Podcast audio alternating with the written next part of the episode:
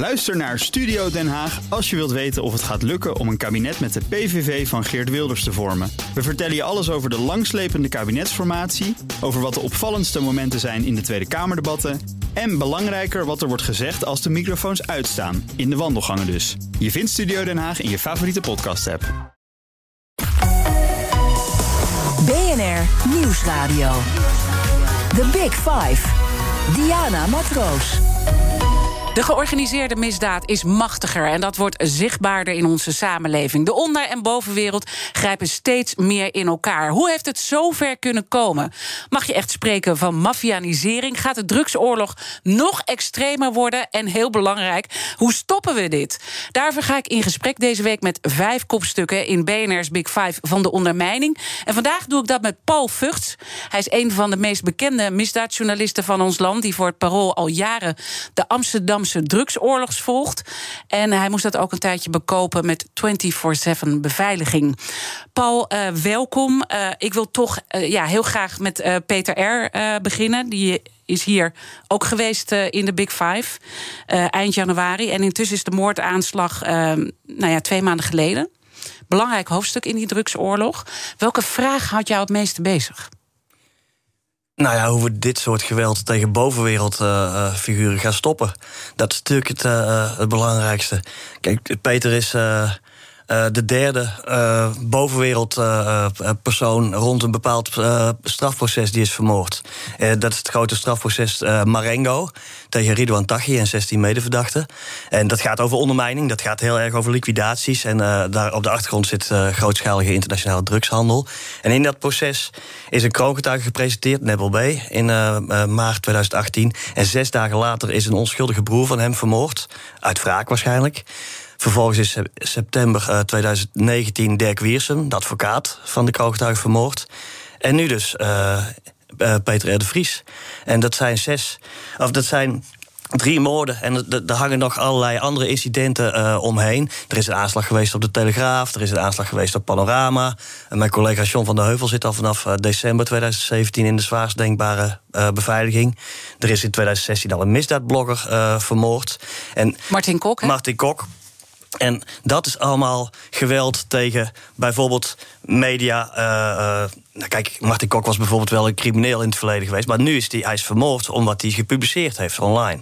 En dat is geweld tegen de bovenwereld dat bij uitstek ondermijning is. En dat, uh, ja, en nu Peter R. de Vries is vermoord, is dat wel weer een wake-up call uh, die uh, niet gemist mag worden. Ja, die wake-up call had jij natuurlijk al veel langer. Ja, daar wil maar... ik wel aan toevoegen dat, dat er wel wat wake-up calls al geweest zijn ook. Ja, want ik kan me ook voorstellen dat je ja, ontzettend zorgen maakt van wie is de volgende. Want dingen worden voorbereid. Ja. Het gaat heel erg snel. Is dat ook een gedachte die je hebt?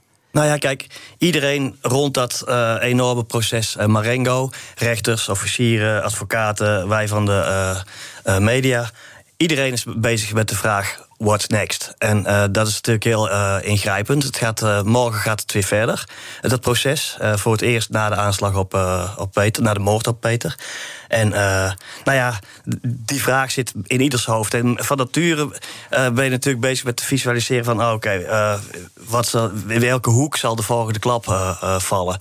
En de mensen van nature ook geneigd om het een beetje naar zichzelf toe te trekken. Dus allerlei mensen maken zich wel veel zorgen daar, daarover. En dat heeft ook weer enorme invloed op het proces. Dat is ook weer echt ondermijning. Dat proces wordt echt ik onder zware druk gezet hierdoor. Dat het heel erg mooi is om hier even de kettingvraag bij te stellen. Want onze gasten stellen elkaar een vraag. En dat noemen wij uh, de kettingvraag. En vorige week sprak mijn collega Art Rooijakkers met Margot Koops uh, van liefdesbedrijf Atlon Internationaal. Dat was trouwens een andere week. Dat ging over nieuwe mobiliteit. En hij had deze vraag voor jou. Nou, met name dat stuk rondom ondermijning. He, wat, wat ondermijning van de he, door de georganiseerde misdaad. Wat is de impact daarvan op het beroep misdaadjournalist? Kun je je vak nog frank en vrij uitoefenen zoals je dat behoort te doen of zou willen doen, uh, zonder veiligheidsmaatregelen? Het eerste uh, kan ik mijn vak nog uitvoeren. Ja, ik heb geen dag niet geschreven. Ook niet toen ik, zoals je net al aanhaalde, met mijn vriendin samen ruim een half jaar in een safehouse heb gewoond. En overdag, of wanneer ik ook werkte, begeleid werd door uh, dezelfde ploeg zoals ook Geert Wilders begeleid wordt. En uh, John van der Heuvel. Die, van Geert Wilders is het wel een beetje bekend bij de mensen, denk dienst ik. Koninklijke Beveiliging, hè? Dat dienst is eigenlijk Koninklijke en Diplomatieke Beveiliging, ja. DKDB. Ja, en fantastische mensen zijn dat, die heel erg hard werken en uh, goed getraind zijn. Maar ehm, dat is ook wel antwoord op het tweede deel van de, van de vraag. Het is, het is niet zon, het is niet vrijelijk meer dat wij uh, werken. Het heeft wel een enorme druk natuurlijk, dit soort zaken. Ook weer de moord op Peter R. de Vries. Uh, het is natuurlijk een verschrikking voor hemzelf, voor zijn naasten. Uh, maar het drukt ook weer op de maatschappij. Overigens niet zozeer omdat hij... Ik denk niet dat hij vermoord is omdat hij misdaadjournalist was. Ik denk dat hij vermoord is omdat hij zich als vertrouwenspersoon... van de kroongetuigen had opgeworpen. Van wie dus eerder al... Dat is een belangrijk verschil. Dat is wel een belangrijk verschil. Maar... Uh, dat de druk waaronder iedereen die met misdaad bezig is, uh, moet werken, is, is wel uh, hevig toegenomen. En dat merk, dat merk je gewoon bijvoorbeeld bij dat proces waarover ik net had. ja, en kijk, we gaan door, maar je kunt niet zeggen we gaan gewoon door. Uh, nee, dus... want, want dat, dat, dat, probeer ik te vinden. Want op het moment dat jij. Uh, ik heb indrukwekkende verhalen over jou en je vriendin gelezen. Dat je het gewoon accepteert ergens. Dat je in zo'n beveiliging gaat. Dat je in zo'n safehouse gaat. Dat je je hele vrijheid uh, opoffert. Hè, dat, dat, dat, dat, dat raakt je natuurlijk enorm. En dat eigenlijk de angst nog niet eens het ergste is. Als ik nou, jou zo ja, ja. beluisterde in wat je daarover hebt gezegd. Maar nu gebeurt er zoveel. Jullie hebben het daar met elkaar over. wat wat, heeft dit nou voor impact op de journalistiek toch? Nou ja, kijk, het eerste wat we tegen elkaar roepen is: we gaan door. Uh, dat wel. Uh, maar het tweede is toch wel weer: het is weer een soort reset van. Uh, nou, hebben, zijn er meer beveiligingsmaatregelen nodig? Allerlei autoriteiten maken zich die zorg. op allerlei verschillende manieren rond allerlei collega's is daar, zijn daar gesprekken over. dat, moet je, dat bespreek je natuurlijk ook weer met hoofdredacties. En, dus het, het thema. Uh, veiligheid is, en onveiligheid dus wordt wel weer heel erg uh, op de voorgrond gedrongen. Kijk, in die, in die maximale beveiliging, dat drukt alle spontaniteit uit je leven. Je moet alles van tevoren plannen. Je hele agenda moet je liefst vier dagen van tevoren uiterlijk hebben ingeleverd, zodat ze kunnen voorobserveren en, dat allemaal. Je privacy is natuurlijk geen sprake van, want je bent de hele tijd met die gasten. En schuine V zitten ook hele moedige vrouwen ertussen. Ehm, en ja, dat. Uh, het is ook nog eens een keer zo dat je. Uh, dat je probeert niet in zo'n regime terecht te komen uh, als het niet strikt noodzakelijk is. En als je geen uitzicht zou hebben op wanneer ga je er dan weer uit. Kijk, ja. toen ik er eerder in zat, was het heel concreet. Ze wilden mij doodschieten. Uh, nou, ik wist wel ongeveer wie en, uh, en waarom. En dan kun je voor jezelf en met anderen afspreken van als dit, dit, dit en dit gebeurt, dan wil ik afbouwen. Uh, als mensen worden gearresteerd, mm -hmm. geliquideerd. Want je wil je vrijheid terug. En dan weer een normaal leven. Uh, en uh, en wat wil je daarmee aangeven? Want dit is denk ik een belangrijk cruciaal nou ja, als punt... Je, als je, jullie het ook met elkaar hierover hebben. Bij mij, ik ging er heel gericht om. Heel concrete informatie ging ik erin. Nu uh, zou, je er, uh, zou je kunnen overwegen van... goh, er is een dreiging op mensen rond het, dat grote proces. Dat, dat zijn er tientallen. dan dan is het een hele andere discussie. Van, want, want als je nu allerlei extra beveiligingsmaatregelen toepast, wanneer ga je dat dan weer op grond van welke argumentatie afbouwen? Als het niet heel concreet tegen jou dreiging is. Snap je me? Ja, dus, dus, dus er wordt uh, dan ook toch overwogen om jou weer te beveiligen. Nou, nou de, de discussie wordt gevoerd. De discussie wordt gevoerd. En het is ook, het is ook nog wel een enorme capaciteitsprobleem. Hoor. Je, kunt, je kunt niet tientallen mensen die beveiliging geven zoals ik die, uh, ja. die had. En dat is, er zijn nu heel veel mensen die weer extra De advocaten van de kroongetuigen hebben zware beveiliging en zo. Dat is allemaal geen geheim. Er zijn rechters en officieren van justitie die extra maatregelen hebben. Het differentieert. Er zijn bij journalisten uh, verschillende soorten maatregelen. Maar dat is ook geen onuitputtelijke bron. Uh, dus daar wordt ook nog zuinig ja, mee en, en, en, en als ik je dan al die afwegingen hoor maken die jullie met elkaar maken. Wat zegt dat ook? Dat zegt aan één kant iets over die onderwereld. Die een heel duidelijke boodschap uh, weer heeft afgegeven. En dat zegt aan de andere kant ook iets hoe er door de bovenwereld mee om wordt gegaan. Kunnen ze het aan? Nou ja, dat, die vraag is altijd actueel. En ik vind vooral dat alle instituties, de rechtspraak, uh, justitie, uh, wij van de pers, de rug moeten rechten en, en moeten staan voor onze zaak. Dat is heel mm -hmm. belangrijk. en aan de andere kant is het dan even gewoon puur praktisch, nuchter en analytisch kijken wat waar nodig is. En Maar ondertussen, alle instituties staan nog. Hè, dus ze kunnen wel de hele tijd klappen toebrengen. En het zijn hele harde klappen. Het is verschrikkelijk dat, die, dat er al zoveel mensen zijn uh, vermoord... of doelwit zijn geworden van ander geweld. Maar er is nog niks omgevallen. En dat uh, houden we wel zo. Maar is er toch niet sprake van ondermijning van de rechtsstaat... als je ook nu ziet dat het heel zichtbaar geworden is voor de samenleving? Hè? Peter R. gewoon in een drukke winkelstraat ja. vermoord, weet je wel. Waar, waar, waar, allerlei mensen om, omheen lopen. Dat maakt het toch wel van een andere categorie. Ja, is zo. Ik, ik heb al een paar keer geschreven uh, in het parool dat uh, dit is geen onderwereldgeweld uh, meer. Dit is terreur. Dit is om de maatschappij maximaal te destabiliseren. Uh, je hebt zelf meegemaakt wat er na de moord op Peter... wat voor enorme schok dat begrijpelijk in de samenleving heeft gehad. Hij was de bekendste Nederlander die we, die we mhm. hadden. daar, de plek waar het gebeurd is, verschrikkelijk in de, in de Leidse buurt. Daar, ik ben daar een paar keer gaan kijken. Uh, en ik hou niet zo van groots en meeslepend uh, rouwen. Maar dit was wel heel speciaal en toch ook wel mooi. Op een gekke manier. Dus rouw is nooit is altijd heel verdrietig. Maar je zag daar in die hele roerige, rumoerige buurt was ineens een baken van rust en stilte met een enorme bloemenzee en mensen die daar uh, op hun manier hun uh, respect kwamen uh, betuigen. Je zag het later, die enorme rijen bij Carré, waar, waar iedereen die het wilde een bezoek kon mhm. brengen aan, nou ja, nog laatste groet kon brengen. En de dag daarna ehm, waren we met 800 man in Carré op, de, op een heel indrukwekkende uitvaart. Ehm, ja, dan zie je hoe het, de hele maatschappij geraakt heeft. Uh, en dat, uh, dat is buitengewoon ondermijnend. En des te belangrijker dat we allemaal weer opstaan en doorgaan. Uh, want dat is toch wel de crux. The Big Five. Diana Matroos. Deze week praat ik met vijf kopstukken uit de wereld van de ondermijning. Mijn gast vandaag is misdaadjournalist van het Parool, Paul Vught. En deze week uh, draait zoals gezegd uh, om ondermijning. En ik denk dat het goed is met jou om uh, nou ja, even ook de historie in te duiken... maar ook eventjes de cijfers, want het is een groot probleem. Er wordt geschat dat er ieder jaar in Nederland voor 16 miljard euro... misdaadgeld wordt witgewassen, waarvan de helft uit de drugshandel komt. Dat gaat om 21,9 miljoen euro per dag. Ja, we zijn een business nieuwsradio zender. Het is echt een serieuze economie. Verbaas jij je nog over dit soort cijfers? Uh, nee, want het is ook wel de laatste jaren zo geweest dat er, uh, als er partijen drugs in beslag werden genomen, bijvoorbeeld, dat het ging om duizenden kilo's. Dat moet je je voorstellen, duizenden kilo's. Als je één kilo afhankelijk van de kwaliteit en waar die is, zegt dat het 25, 35.000 euro waard is per kilo. Nou, als er dan duizenden kilo's binnenkomen, doe de maat. Maar ehm, in het verleden was de, stond er stonden de opsporingsdiensten op tafel te springen als ze 2, 3, 400 kilo hadden gepakt. En nu zijn er dus duizenden. Er komen voor honderdduizenden, of voor honderden miljoenen uh, kook binnen. En Nederland is een draaischijf in die uh, internationale economie. Omdat we zo'n goede infrastructuur hebben. Ja, op allerlei manieren hebben wij een hele goede infrastructuur. We zijn een aantrekkelijk land om te verblijven ook. Dus hier worden de zaken gedaan. Bijvoorbeeld in Amsterdam, waar we nu zijn. En uh, nou ja, dit, die economie. En dit soort die bedragen die dan worden uh, geschat, ja, dat, dat is allemaal toch wel een beetje natte vingerwerk natuurlijk. Maar het is, dat het immens en enorm is, dat, dat staat vast. En het is echt die cocaïne-economie, die de basis is onder alle ellende, uh, waar wij het nu over hebben in elk geval. Ehm, ja, die is totaal uit de hand gelopen, ontspoord. Want dat is eigenlijk het grootste probleem. Als je even terugkijkt in de geschiedenis. Hè, jij zit al 24 jaar uh, in dit vak. Dat je die, uh, de helft van je leven kan je nagaan.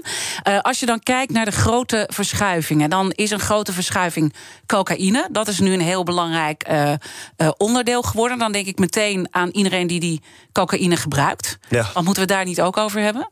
Nou ja, je zou jezelf kunnen afvragen uh, als je een snuifje neemt, uh, uh, wat er voor wereld achter zit. En dat, dat, dat een wereld is die mensen zoals Peter de Vries vermoordt. dat, dat zou je kunnen afvragen als je dat. ik ben niet, geen grote moralist hoor, ik ben zelf meer een bierdrinker. Maar, maar, maar dat hoort er wel bij. En ja, die, er zijn twee dingen heel erg veranderd. dus de opkomst van die. De, de enormiteit van de economie, van de cocaïne. En ten tweede, dat je ziet dat heel jonge jongens heel snel in de misdaad radicaliseren. Dat, dat, uh, toen ik uh, eh, 24 jaar geleden begon, had je toch de oude uh, hap, zeg maar, Hollandse netwerk heet dat, de Heineken-ontvoerders, van wie Willem Holleder uiteindelijk de bekendste is geworden. Uh, Cor van Hout was die vermoord is in 2003. En voor de ouderen onder ons Klaas Bruinsma. Klaas Bruinsma. ja. Maar toen ik begon, toen was, waren mensen die betrokken waren bij bijvoorbeeld liquidaties en dat soort geweld, die waren midden 40, rond de 40. nu uh, nu ik zelf uh, midden 40 gepasseerd ben al, uh, ben 47, zie ik jongens van rond de 20, of tussen de 20 en de 30, die zowel aan de daderkant als aan de slachtofferkant bij liquidaties betrokken zijn. Er zijn jongens die zijn al doodgeschoten vlak terwijl hun volwassen leven nog maar op gang moet komen. Door uh, gasten van dezelfde leeftijd. Die voor heel lang in de cel uh, belanden, soms levenslang. Stel je mhm. voor dat je in je twintig bent en je hebt levenslang. Dat is lang. Ja. En, uh, en dat zijn de twee grote dingen. Dus enerzijds de totale ontsporing van die cocaïne-economie. en de andere kant die, de, eh, de flitscarrières, de bedenkelijke flitscarrières die die jongens maken. Het is niet meer zoals ooit was het beeld van goh, iemand begon met een beetje straatcriminaliteit, en uiteindelijk verhardde het, misschien een overval, misschien een gewapende overval. Je mocht even op de uitkijk staan. En dan ergens. stap voor stap. En de politie had dan vaak die jongens ook al wel een tijdje in beeld. En nu komt het voor dat uit het niets een jongen van 24 of zo ineens een, uh, een liquidatie pleegt. En, uh, en, en, en, wat zegt dat over? Want ik bedoel, we hebben natuurlijk ook bij Peter R gezien Hè, dat dan uh, de verdachte in die zaak, die de Lano G is, hè, 21 jaar. Ja. Nou ja, kijk, wat je daar ziet is... die jongens hebben ook 0% kans om weg te komen. Je kunt uit de Leidse buurt in de vooravond uh, niet wegkomen als je zoiets doet. Dus, dus ze zijn ook meteen uh, gepakt. Het hangt daar vol met camera's, het is vol met getuigen. Als getuigen het juiste kenteken, of bijna het juiste kenteken kunnen doorgeven... dan kan de politie dat in systemen zetten, verkeerscamera's. Dat is overal waar de auto uh, langs rijdt waarin je gevlucht bent. Nou ja, dan krijgt de politie een melding van. Uh, het, het is echt, dit zijn echt kamikazes. Uh, en waarom ze dit doen, geloven ze echt dat ze dat enorme bedrag krijgen dat ze is beloofd? Of staan ze onder enorme druk? En die vraag speelt bij veel, mm op, op, de achtergrond van veel liquidaties. En zeker bij die jonge jongens. soms zijn het ook lichtverstandelijk beperkte jongens ook nog. Maar ja, want dat hoor je ook vaak, dat ze gewoon niet zo heel snugger zijn. Nee, alleen als je, je kunt wel niet zo heel snugger zijn, maar als jij een uh, Kalashnikov in de hand laat drukken en men uh, legt uit hoe je moet schieten, dan kunnen ze niet. Maar, maar het geweld is dodelijk en vervolgens schieten ze ook nog, uh, doordat het wapen wegloopt, doordat ze het wapen niet onder controle hebben, is het verschrikkelijk gevaarlijk voor alles in de buurt ook nog eens een keer. Maar ondertussen is er wel iemand vermoord al, snap je? Dus je hoeft geen professor te zijn om iemand te, te kunnen vermoorden. En dus dat, dat exorbitante geweld. Uh, dus, dus eigenlijk is die hele keten omgedraaid. Als je kijkt hoe het werkt. Vroeger moest je je echt opwerken om tot een liquidatie te komen. Of het werd uit het buitenland gehaald. Ja, En nu zijn het onze eigen kinderen van deze maatschappij. Ja, ja bijvoorbeeld hier in Amsterdam heb je uh, bepaalde uh, wijken waar echt heel veel nodig is. Er zijn ook uh, masterplannen voor in de maak. Eén is al af, de andere komt nog. Bijvoorbeeld voor Amsterdam Zuidoost, voor Amsterdam Nieuw-West, waar veel van die jongens vandaan komen. En daar zit volgens mij ook het begin. Kijk, je kunt allemaal wel heel stoer doen met grootse nieuwe politieteams en zo.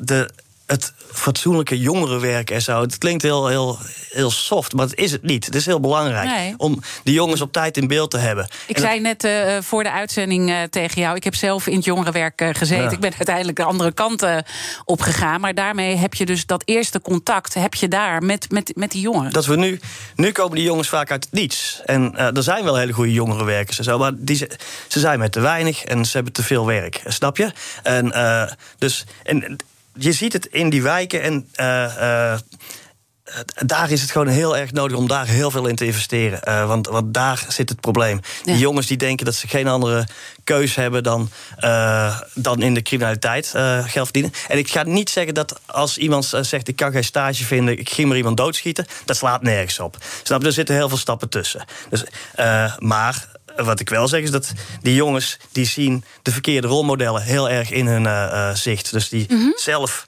uh, uh, hebben ze vaak problemen om te aarden, om een baantje te, te vinden en zo. Want er is werk genoeg, hè? Dus iedereen kan courieren en zo. Ehm, maar dat doen ze dan niet. En dan zien ze, hé, hey, de buurjongen... die rijdt in een hele mooie auto... heeft een groot horloge van, van uh, Piquet, weet ik veel. Uh, die heeft uh, alles wat hij uh, wat die ja. wil. Die gaat feesten aan VIP-tafels en zo. En dat beeld... En dat, dat zien ze dan in, uh, natuurlijk in clipjes en zo, van uh, gangsterrap en zo. En er is helemaal niets tegen rap. Uh, nee. Maar er is wel iets tegen het, het uh, gebruiken van, dat, van bijvoorbeeld rap of de zware vechtsport als vehikel om die jongens te, uh, te werven. En dat zie je gebeuren. Dus ze zien de negatieve rolmodellen, daar waar ze positieve rolmodellen heel erg nodig hebben. En dat is. Dat het grote probleem wat hier eigenlijk onder zit. Daar begint het allemaal. En daarmee kan je het dus uh, in stand houden. Maar wat zegt dat over dat hele netwerk dat erachter zit, die dat besturen? Nou, kijk, wat erachter zit is die, die grote criminele drugsorganisaties. De top daarvan is best slim. Maar die, ze, ze delen het in in verschillende uh, lagen. De top blijft zelf uit beeld. Er komen daar, die gebruikt zelf moordmakelaars. Uh, die en dus je hebt een soort piramide-achtige. Mm. Dus ze zitten misschien zelf niet uh, eens in Nederland. Ik bedoel, zo'n Tachi was ook de hele tijd in het buitenland natuurlijk. Je kunt... Uh, tot voor kort was Dubai een uh, heel geliefde oord om onder te duiken. nu zijn ook weer Turkije is ehm, in, interessanter aan het worden. In het verleden was Marokko ook een geliefde, zeker voor jongens met Marokkaanse roots, een geliefd toevluchtsoord. Tot daar in november 2017 een moord is gepleegd waarbij Nederlanders een uh, Nederlands-Marokkaans crimineel wilde doodschieten. Maar ze blunderden weer eens en schoten de zoon van een rechter dood. Sindsdien is Marokko ook wel heel erg uh, actief geworden tegen dit soort uh, criminele groepen. Ja, dus er zijn dus, allerlei daarin verschuivingen. Dus de, wat je eigenlijk zegt, het is allemaal harder geworden. De hele loopbaan is anders geworden. Dat zijn ja. grote verschillen. Ja. Die cocaïne is een heel groot probleem geworden. Een bron van geld. Ja, en daar hebben wij dus ook allemaal een rol in als, als burger. Want, want daar wordt dus die cocaïne voor gebruikt. Overigens is ook 80% export. Hè? Ja, het is niet zo dat als op de site als stop met snuiven dat het probleem uit dat helpt, uh, dat helpt uiteindelijk niet.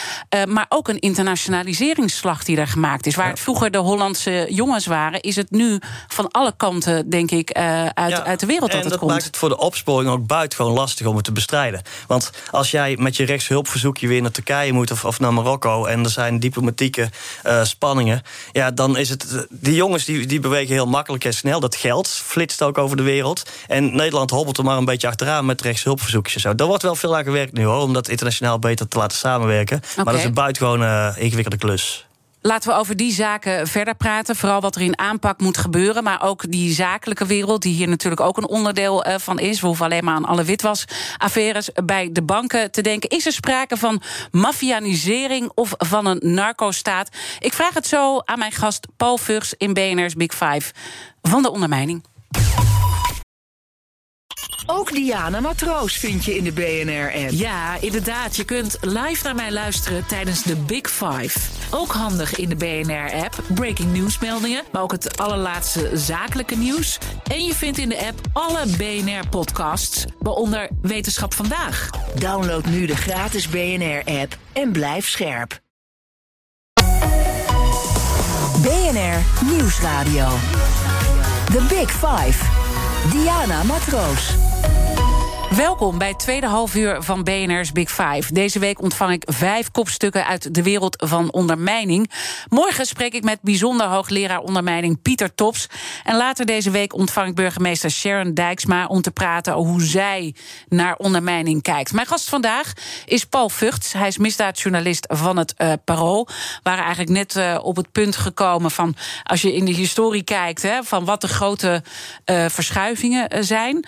Het, ook het internationale karakter wat daar nog bij is gekomen. Extremer uh, geweld. Nou ja, zo heb je een aantal van die zaken opgenoemd. Kan je dan spreken van mafianisering? Mafianisering wel in die zin dat uh, ook de uh, Nederlandse grote onderwereldgroepen uh, zich methodes aanmeten die bij maffia horen. Maar we zijn nog geen maffia. Maffia is een eeuwenoude familiestructuren en, en in Zuid-Italië en bijvoorbeeld en in Amerika. Dat hebben we hier nog niet op die manier. En de term narco-staat valt ook geregeld. Ik vind niet dat Nederland een narco-staat is nog. Want een narco-staat is van boven tot onder ook door corruptie aangevreten en zo. Er zijn in de bestuurslagen uh, en, en, in het Openbaar Ministerie en uh, politie is, is daar de corruptie veel uh, verder. Uh, da daar zijn de drugsbazen de baas van het land. Dat is in Nederland niet zo. Maar het is wel nu het moment om dat uh, te voorkomen. want we, we, maken natuurlijk wel hele nare stappen de verkeerde kant uit. Want hoe weet je nou zo zeker dat die invloed er niet is? Hè? En dat zeg ik ook om die enorme dreiging. Hè, je hebt het zelf mm -hmm. meegemaakt. John van Heuvel zit nu in, in 24-7 bewaking er wordt natuurlijk ook wel angst bij mensen ingeboezemd. Op het moment dat ze invloed krijgen bij iemand in het lokale bestuur, ja, die, die gaat dat niet aan de grote klok hangen. Natuurlijk. Ik, ik, ik, stel niet dat er geen corruptie is hè, in mhm. Nederland. Er zijn hele vervelende corruptiezaken. Er is vast veel meer dan we nog zien. Maar daar waar serieus onderzoek is gedaan naar bijvoorbeeld in hoeverre de zware criminaliteit is echt is ingevreten in het openbaar bestuur, in stadsbestuur, landsbestuur, uh, wordt dat gewoon niet aangetroffen. Dat vind ik een verschil met de Darko-staat. Maar ondertussen is er wel bij de douane, uh, in de havens en zo. De, kijk, om die, die containers, bakken in jargon, met die blokken drugs eruit te krijgen, heb je corrupte contacten nodig. Want iemand ja, moet zorgen zeggen, dat het. Ja. Uh, dus er is corruptie zeker. Uh, en dat is een heel groot probleem in bijvoorbeeld de havens en zo. Maar wat ik stel is dat het niet. Uh, er is niet in de regering, de, de, de Tweede Kamer en de, de provinciale staten, gemeenteraden. is het niet een vast patroon dat dat gecorrumpeerd is. Zoals in narco-staten wel. Dus ja. zover zijn we nog niet. En dat maar we dus maar lokaal, hè, want ik, ik, als ik naar politiek Den Haag. Nou ja, dan kan ik me wat voorstellen als je, als je dat zegt. Maar lokaal, juist al die, al die plekken waar het gebeurt. Hè, de, de Rotterdamse haven, uh, de, de, douane op, op Schiphol. Al die hele, die hele achterkant, daar loopt natuurlijk ook allemaal uh, personeel dat rond. Dat, dat is dan toch al heel dichtbij, komt het dan? Ja, dat is een grote zorg, corruptie daar. En er moet hard tegen gestreden worden. Alleen, ik zeg dat we nog gelukkig nog een paar stappen verwijderd zijn van een echte narco-staat waar de drugsorganisaties de, uh, het, het, land gewoon in de greep hebben. Ja. Dat is nog niet zo. En we zitten hier in Amsterdam. Je hebt hier in Amsterdam zo tussen de 15 en de 25 uh, doden door geweld per jaar. Inclusief huiselijk geweld en zo. Dat is allemaal verschrikkelijk. Maar het is niet veel. Hè. En als je uh, een stad met Groot Amsterdam is toch een miljoen mensen of meer. Uh, als je dat vergelijkt met sommige steden in andere delen van de wereld. Bijvoorbeeld ook Amerika of zo. Dat is op geen enkele manier te, te vergelijken. Daar is het echt veel, veel, veel meer geweld. Ja, dus ook in de Mexicaanse toestand hebben we hier ook niet. je kunt hier in elke. Maar... We hebben geen no-go areas. Je kunt overal over straat. Uh, dus dat is anders. Dat is ook anders dan bijvoorbeeld de banlieues in Parijs. Hebben we hier ook niet. Waar de politie eigenlijk niet echt naar binnen durft. Behalve met grof uh, geschut. Hier, kan, hier kun jij overal gewoon over straat vrij bewegen. Uh, dat, ik wil dat optimistische geluid er ook wel. Uh, ja, dat is goed ook omdat. Want, want anders klinkt het zo fatalistisch. Dat het klinkt alsof we overgeleverd zijn aan de ellende. En het ziet omdat ik het mooie wil voorspiegelen dat het is, maar dat zijn we niet. Nee, we, maar zijn we zijn, denk ik wel, als ik ga teruggaan naar het begin van ons gesprek. Hè, dus Dirk van Wiersum, eerst, eerst die broer van die kroongetuige, toen Dirk van Wiersum, nu Peter R we zijn wel opgeschoven. Het gaat wel heel erg uh, snel. Het is wel een, een, wellicht een trendbreuk die we nu zien. Nou ja, dat, dat gaan we nu merken. Ik hoop dat, het, uh, dat dit een verschrikkelijke reeks is waar een einde aan komt. Mm -hmm. uh, het laat zich nog, nog, niet aanzien natuurlijk. Je zegt net, Peter is net twee maanden geleden vermoord. Dus dat is allemaal heel vers. ik, ik, wat, wat een zorg is, is dat andere criminele groepen nu hebben gezien hoe betrekkelijk eenvoudig uh, het land totaal is te schokken. Uh, en dat, dat heeft dus, daarom noem ik het zo, uh, vergelijk ik het ook met terreur. dat zie je ook na bijvoorbeeld aanslagen ergens. Dan zie je wat een enorm effect op een maatschappij aanslagen, bomaanslagen bijvoorbeeld hebben. En dan volgen er daarna meer bomaanslagen. Omdat groepen dat doorhebben, copycat gedrag. aan de andere kant keert zich soms ook weer. Kijk, dus het is nu nu van belang daar flink op te drukken, uh, op die groepen. En te laten zien dat we er nog zijn. Uh, dat, is, dat de staat nog gewoon overeind staat. En dan kom ik meteen bij een heel belangrijk punt. Politie, justitie. Uh, voelen die nou echt de urgentie? Er zijn, ja, uh, politie en, en, justitie wel. Er zijn echt hele goede mensen uh, die heel hard bezig zijn met die opsporing en vervolging. Zowel binnen de recherche als binnen uh, het Openbaar Ministerie, officier van Justitie en zo. Wat wat ik jammer vind, is, is dat uh, vanuit politiek Den Haag uh, soms net de verkeerde maatregelen volgens mij uh, worden genomen. Er wordt er wel extra geld vrijgemaakt. Maar dat, dat wordt dan in een groot nieuw club gestoken, bijvoorbeeld. het MIT, waar, we het ook, waar je het ook over wil ja, hebben. Multi, inter, multidisciplinair interventieteam, hè, staat ja, dat voor. Ja, en dat is, dat, dat, er was al een plan voor, voordat Dirk Wiersum in september 2019 werd vermoord. de advocaat van de kroongetuigen. maar toen is het, heeft het veel meer nadruk gekregen door minister Vert Grapperhaus ook. Die heeft het in die, die week ook uh, als een, soort, een van de maatregelen van we moeten nu wat doen en dat wordt dit. Mhm. en, en het is een grote nieuwe club die, uh, van 400, 450 uh, personen. Maar die nu al een, een tijd in opbouw is. Uh, maar die pas in 2023 operationeel gaat worden. En waar ik altijd bang voor ben, als je een hele nieuwe club opricht, uh, dat die, dat die gaat concurreren uh, en met andere uh, opsporingsinstanties. En ik zeg, versterk dus bestaande structuren. We hebben echt hele goede recherche, maar die is wel zwaar onderbemenst. We hebben echt hele goede mensen bij het Openbaar Ministerie, maar die hebben ook veel te veel werk. Ja, en gaan ze dan niet weer wegtrekken? Want uiteindelijk ga je die Precies. goede mensen je naar krijgt het een mid. dubbel effect. Ja, Ja. Je gaat dus uit, die, uit de goede, maar onderbemande organisatie ga je mensen weghalen. Om dat mid te kunnen vullen. Want je kunt, die komen niet uit de lucht vallen, hè, die mensen. Nee. Uh, en anderzijds ga je zien, altijd als er uh, grote nieuwe organisaties komen, dan komt er een, een, oorlog om de informatie. Van wie is de informatie? En je hebt allemaal privacyregels, die zijn allemaal terecht en zo. Maar als je nou de bestaande structuren die je al hebt versterkt, dan heb ik het niet alleen over recherche en justitie en de rest van politie. Uh, maar dan heb ik het ook bijvoorbeeld over regionale samenwerkingsverbanden. Dat heet RIek. Ja, die afkortingen die zijn een beetje uh, vervelend Mhm. altijd. Maar de, de, uh, Belastingdienst, justitie, gemeente en politie en zo, die Ja, werken die al moeten samen. dus meer samenwerken. Eh, het gaat ook over gegevens uitwisselen. Hè? Want je mag bepaalde gegevens niet uitwisselen Nee, vanwege privacy. Precies. Dus besteed daar dan de, de aandacht aan. Maar ik, ik denk dan toch, weet je, je zegt van ja, eh, ze zien de urgentie. eh, maar uiteindelijk hoor ik tussen alle zinnen door. En ik heb jullie eh, ook allemaal gezien, jullie als experts. eh, bij Jinek was een Mhm. hele mooie tafel. En dan voel je gewoon dat, dat, dat, dat jullie helemaal klaar ermee zijn. Ja, maar dat is het verschil. Kijk, ik zie de urgentie wel binnen de recherche en bij de officieren van justitie. Maar boven de top, de top van het eh, ministerie van Justitie en Veiligheid en eh, eh, de regering. En daar, daar mis ik het. Daar mis ik het gewoon. En in de, het gaat in de ka- kabinetsformatie maar heel weinig over veiligheid. En natuurlijk wel, als Peter wordt vermoord, verschrikkelijk. De weken daarna hebben we een soort urgentiegevoel. Maar dat appt weer weg. Dus, dus daar waar het op, op, op straatniveau, de mensen die het echte werk doen met, met de poot in de bluswater, daar is die sense of urgency heel hoog. Maar, maar daarboven. Eh, ontbreekt het. En dat is de criminoloog eh, Cyril Feinhout. Die heeft het laatst in een interview met, met mij in het Parool ook. Hij is gezegd. later deze week ook hier bij mij. Ja, dat is een hele goede gast. Ehm, en die kan er echt veel over vertellen. Die gaat al heel erg lang mee. En die, hij is echt de expert op dit vlak. maar hij wordt niet gevraagd in Den Haag. En ik denk wel te weten waarom. Omdat ze bang zijn dat hij heel veel kritiek heeft. Want dat heeft hij. Eh, en Maar dit is toch ongelooflijk? Hij Ja, is eh, hoogleraar criminologie trouwens, voor de mensen die hem eh, niet kennen. En, en loopt al heel erg lang mee. En hij wordt dus niet meer eh, uitgenodigd eigenlijk. Want dat, dat, dat, Nee. dat, dat is ook Nee, en dat is de angst, de angst om geconfronteerd te worden met wat misgaat. En die leeft in Den Haag. En dat, daar be- ben ik helemaal klaar mee, als ik die term mag overnemen. Kijk, eh, je ziet in bepaalde lagen van, eh, van de instituties, zoals het Openbaar Ministerie en- het ministerie, daar zijn ze bang voor kritiek. Daar zijn ze bang eh, om hun positie eh, te, te verliezen. En dat kunnen we ons echt niet permitteren. En, en daar, wat je bij Jinek zag, is daar eh, boosheid over. Dat, dat er dat er wel even, even van alles wordt geroepen nadat er weer iemand vermoord is. Dit keer Peter R. de Vries.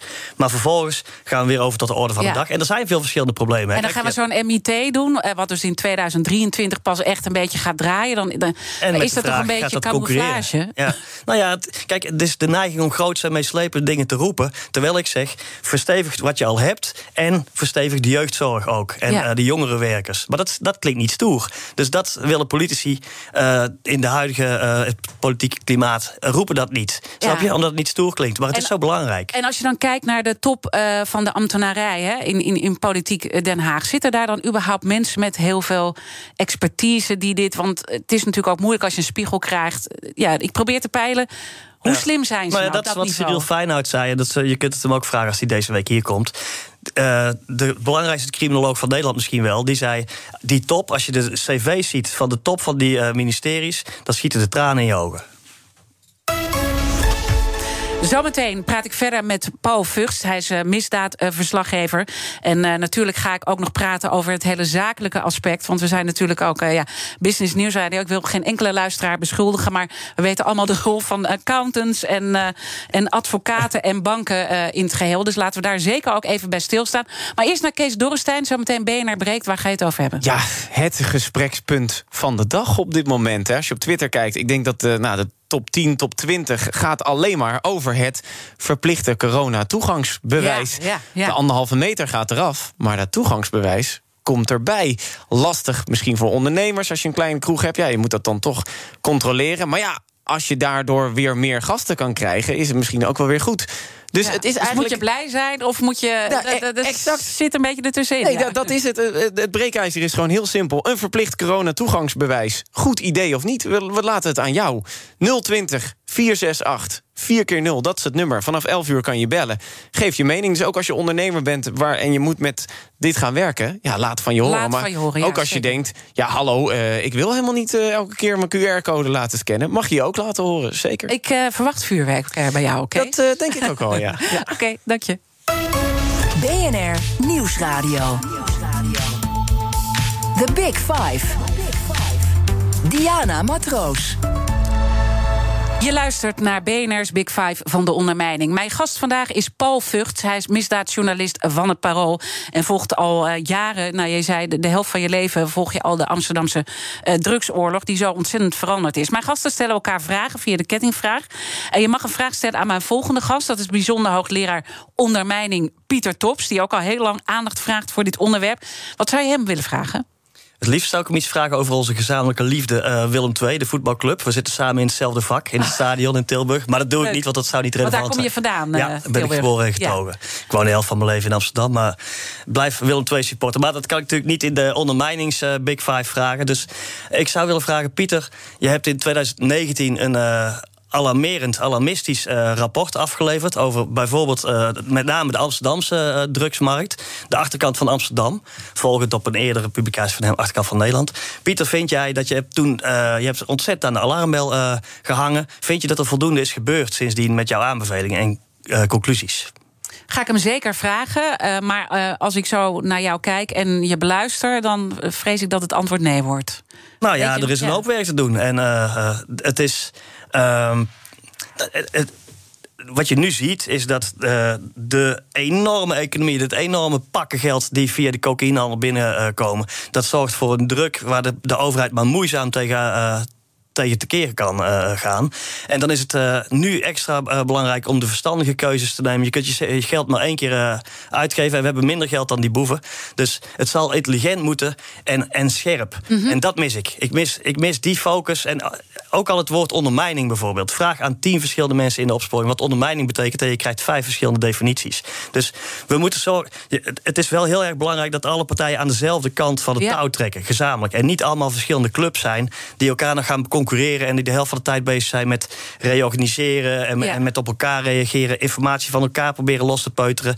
Maak, zorg dat er één overheid is die als één blok eh, tegen die eh keiharde dus- wereld eh, vecht. Dus eenheid aan de eh, ene kant. Het preventiestuk heb je natuurlijk al benoemd. Ja, richting die jongeren. Want dan kan je het aan de voorkant zorgen dat ze niet in handen komen...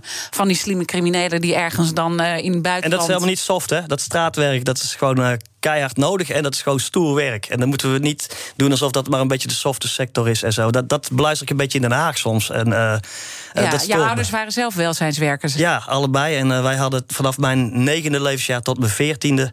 hadden wij altijd zes pleegkinderen. Ik heb één zusje, dus we waren vroeger met z'n vieren. Eh, maar van mijn negen tot mijn veertien waren we met z'n tienen. En die eh, pleegkinderen, plastic broertjes en zusjes noemde ik ze... omdat ze geen echte broertjes en zusjes zijn... ehm, ja, die kwamen uit internaten, uit, uit leefgroep, uit moeilijke gezinnen... waar, waar ze bijvoorbeeld eh, huiselijk geweld, waar, veel alcohol... ehm, nou ja, en daar heb ik gezien hoe levens ook kunnen beginnen. Dus hoe bevoorrecht ik zelf ben met een heel stabiel, eh, Ja. stabiele jeugd en zo. Dus ik zie ook wel hoe, hoe moeilijk het voor sommige jongens is om het rechte pad te Ja, vinden. dit, dit is, was precies ook wat Peter R. eh, zei. Dat hij daarom toch ook eh, strijdt voor die jongens. Ja, Streed voor die jongens, moet ik helaas Ja. zeggen. Om- omdat hij ook wist hoe makkelijk het is om die verkeerde kant op te En gaan. het is vanuit je een, een normaal referentiekader van een, iemand die normaal stabiel is opgegroeid, is het soms heel moeilijk te begrijpen. Waarmee ik niet zeg dat als zo'n jongen met een moeilijke jeugd eh, twee keer een sigarenboer overvalt, dat hij geen klootzak is. Hè, dan ben je Nee. gewoon een klootzak. Alleen, eh, je hebt mensen nodig, goede welzijnswerkers, stevige types, die die gasten in de kraag pakken en het eh, goede rechte pad opduwen. Dus dat zou ook een belangrijk punt zijn... wat het nieuwe kabinet zou moeten oppakken. Nou ja, dus ik hoor er zo die- weinig over in ja, Den Haag. Ja, ja, goed, goed uh, punt. Ik denk toch nog een belangrijke noot die ik met je wil kraken. En zeker ook omdat we Business News Radio zijn. Radio, laat ik het lekker op zijn Nederlands houden. Radio. Um, het hele economische aspect, die belangrijke infrastructuur uh, die we hebben. Ik heb ook een, uh, een, uh, de Italiaanse schrijver van het boek Camorra gezien bij Buitenhof, die gewoon zegt van aan alle kanten is de structuur hier zo goed geregeld. En dat doet natuurlijk ook het zakelijke aspect. Ja. Doet daar aan mee. Wat, wat zou je daar nog over kwijt willen? Wat zie je gebeuren? Waar moeten we onze ogen openen in het zakelijk verkeer? Wat ik zie gebeuren waar ik te weinig tegenkracht op zie, zijn bijvoorbeeld registeraccountants, accountants, banken en zo, die de zware criminelen helpen hun geld te witten en de wereld over te sluizen. En dat is een van de grootste problemen. Kijk, in de zware criminaliteit draait het om drie verschillende dingen: geld, geld en geld. Nou, dus dat zit daar ook het begin van de oplossing. En ik zie dat er wel losse zaken zijn tegen uh, bijvoorbeeld uh, accountants. Ik had uh, vorige week in het Parool een artikel over een registeraccountant... die voor, voor echt criminelen die in liquidaties bezig zijn en zo...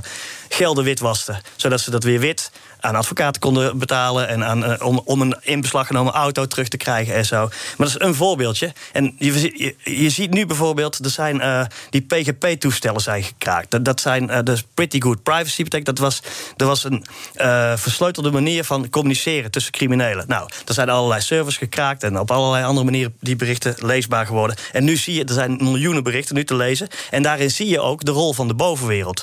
De rol van accountants, van uh, soms net de verkeerde advocaten die de verkeerde dingen uh, doen. En, en daar, daar de overheid is is daar op incidentbasis vaak mee bezig, maar niet structureel. En het bedrijfsleven zelf. Kijk, je hebt wel. Ik was laatst bij ABN Amro te gast. Uh, en daar hebben ze 400 man zitten op de. Uh, op de interne uh, veiligheid, zeg maar. Ja, naar aanleiding van al die witwasaffaires. Ja. We hebben het gezien bij ING, ABN AMRO. Ja. Dus dat, dat, dat, dat is er allemaal wel. En dat is wel een manifest. Alleen tegen deze groepen drugscriminelen... richt het zich eigenlijk onvoldoende. Het, zijn, het is ik kan ten elk geval niet zien dat, dat daar voldoende uh, gebeurt. Nou, dus voor het bedrijfsleven ligt hier ook een enorme maatschappelijke mm -hmm. taak. En, en, en waar zit. Want kijk, ik, uh, um, eerder uh, hebben we hier ook aandacht aan dat aspect besteed. Dan worden er wel heel veel mensen neergezet bij zo'n afdeling. Ik weet niet hoe het nu is, maar dat was een, een paar maanden geleden was dat zo. Dat, was niet, dat waren echt junioren.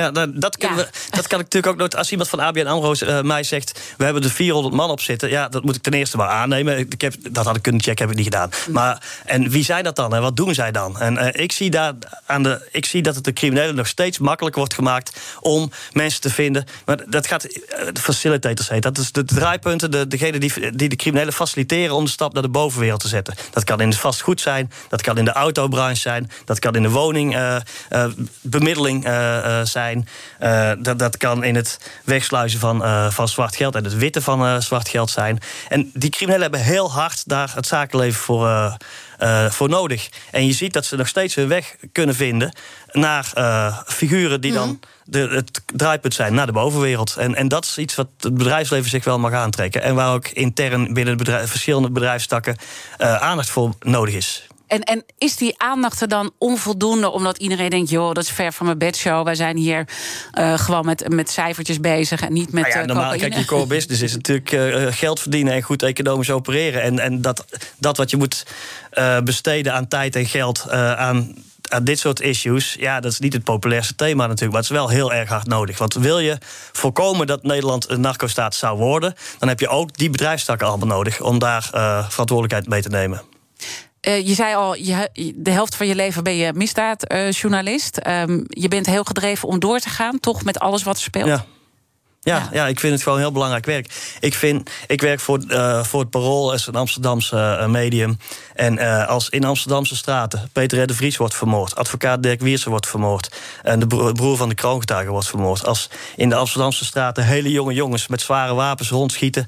we hebben de verschrikkelijke term vergismoord... Dat, het fenomeen is al verschrikkelijk, het woord ook. Maar uh, dat mensen worden doodgeschoten omdat ze voor iemand anders worden aangezien. Door jonge jongens die in, in grote stress zijn. De mensen die met Kalashnikov schieten en die ze helemaal niet beheersen, oorlogswapens. En waardoor er allemaal kogels overal door kinderkamers vliegen en, en, en dat soort ellende. Dan vind ik dat het heel belangrijk is voor het parool om daarover te schrijven. Nou, dat is mijn werk. En ik, daar ben ik zeer gedreven in, ja. En zou je het uh, jongeren adviseren om dit werk te gaan doen?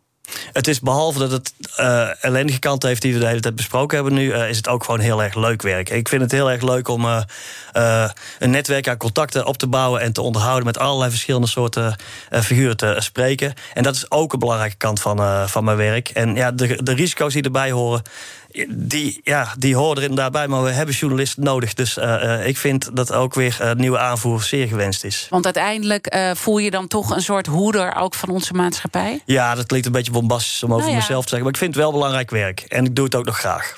Ja, ik, ik, heb, ik wil toch uh, gewoon gezegd hebben: heel veel respect uh, voor uh, dat je dat doet. Want we begonnen het gesprek ook dat je in het verleden zwaar beveiligd bent en je vrijheid hebt moeten inleveren. En ook de angst waarin jullie allemaal moeten leven. En dat jullie gewoon nou ja, doorgaan. Dan in elk geval, ik neem mijn pet Die wil ook een beetje doorpassen naar de mensen om ons heen.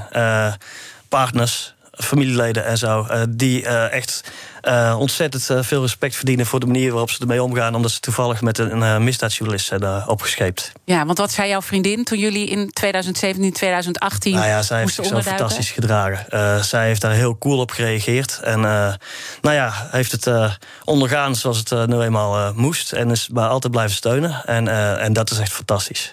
Nou, daar mogen we zeker ook een uh, diepe buiging voor maken. Ik wil je heel erg danken dat je jouw inzichten met ons uh, wilde delen. En we gaan de hele week eh, door om het verder te ontrafelen, het ondermijningsvraagstuk.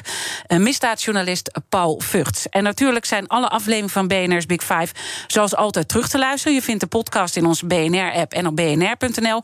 Maar je moet vooral zeker de hele dag live blijven hier op BNR. Want zometeen heeft Kees Dorrestein een hartstikke mooie BNR breekt. Weer met een actueel thema over al die QR-codes uh, die we moeten gaan laten zien. Ben je het ermee eens of niet? Laat het weten. Ik wens je een mooie dag.